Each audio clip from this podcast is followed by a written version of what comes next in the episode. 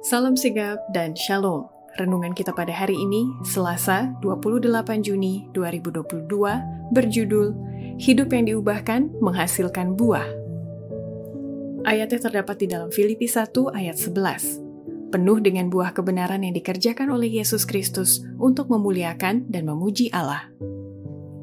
Pena Inspirasi menuliskan yang dimaksud dengan judul renungan kita pagi ini, hidup yang diubahkan menghasilkan buah, sebagai petunjuk bagi kita agar mengalami kasih Allah yang tiada bandingnya itu, dikarenakan yang lama sudah berlalu, dan supaya kita dengan penuh keberanian datang menghampiri tahta kasih karunia Allah adalah sebagai berikut.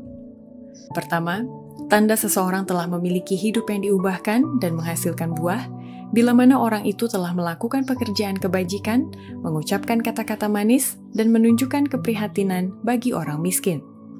Perlakuan prinsip adalah buah yang dituntut Kristus dari kita, melakukan pekerjaan kebajikan, mengucapkan kata-kata manis, dan menunjukkan keprihatinan bagi orang miskin yang berkekurangan dan yang teraniaya. Kedua, tanda seseorang telah memiliki hidup yang diubahkan dan menghasilkan buah bila mana ada kebangunan dan reformasi dalam diri orang itu saat melaksanakan tugasnya dan dalam pelaksanaannya. Reformasi menandakan pengaturan kembali, perubahan ide dan teori, kebiasaan, dan praktik. Reformasi tidak akan menghasilkan buah kebenaran yang baik kecuali itu dihubungkan dengan kebangunan oleh roh kebangunan dan reformasi melaksanakan tugasnya yang telah ditentukan dan dalam pelaksanaannya keduanya harus serasi.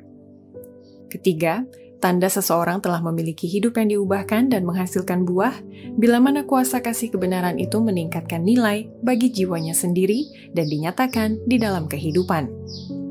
Setiap kebenaran penting yang diterima ke dalam hati haruslah dapat dinyatakan di dalam kehidupan. Itu sebanding dengan penerimaan kasih Kristus yang kuasanya ingin dinyatakan manusia kepada orang lain, dan tindakan penyataannya memperdalam dan meningkatkan nilainya bagi jiwanya sendiri.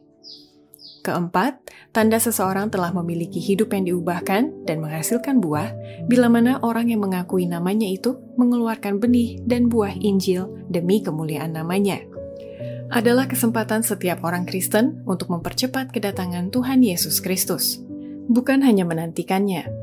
Seandainya semua orang yang mengakui namanya mengeluarkan buah demi kemuliaannya, betapa cepat seluruh dunia akan ditaburi dengan benih Injil. Dengan cepat, panen besar terakhir segera akan masak, dan Kristus akan datang mengumpulkan gandum berharga itu. Kelima, tanda seseorang telah memiliki hidup yang diubahkan dan menghasilkan buah bila mana buah yang sejati itu telah bertumbuh secara alami yang dinyatakan dalam perbuatan yang baik.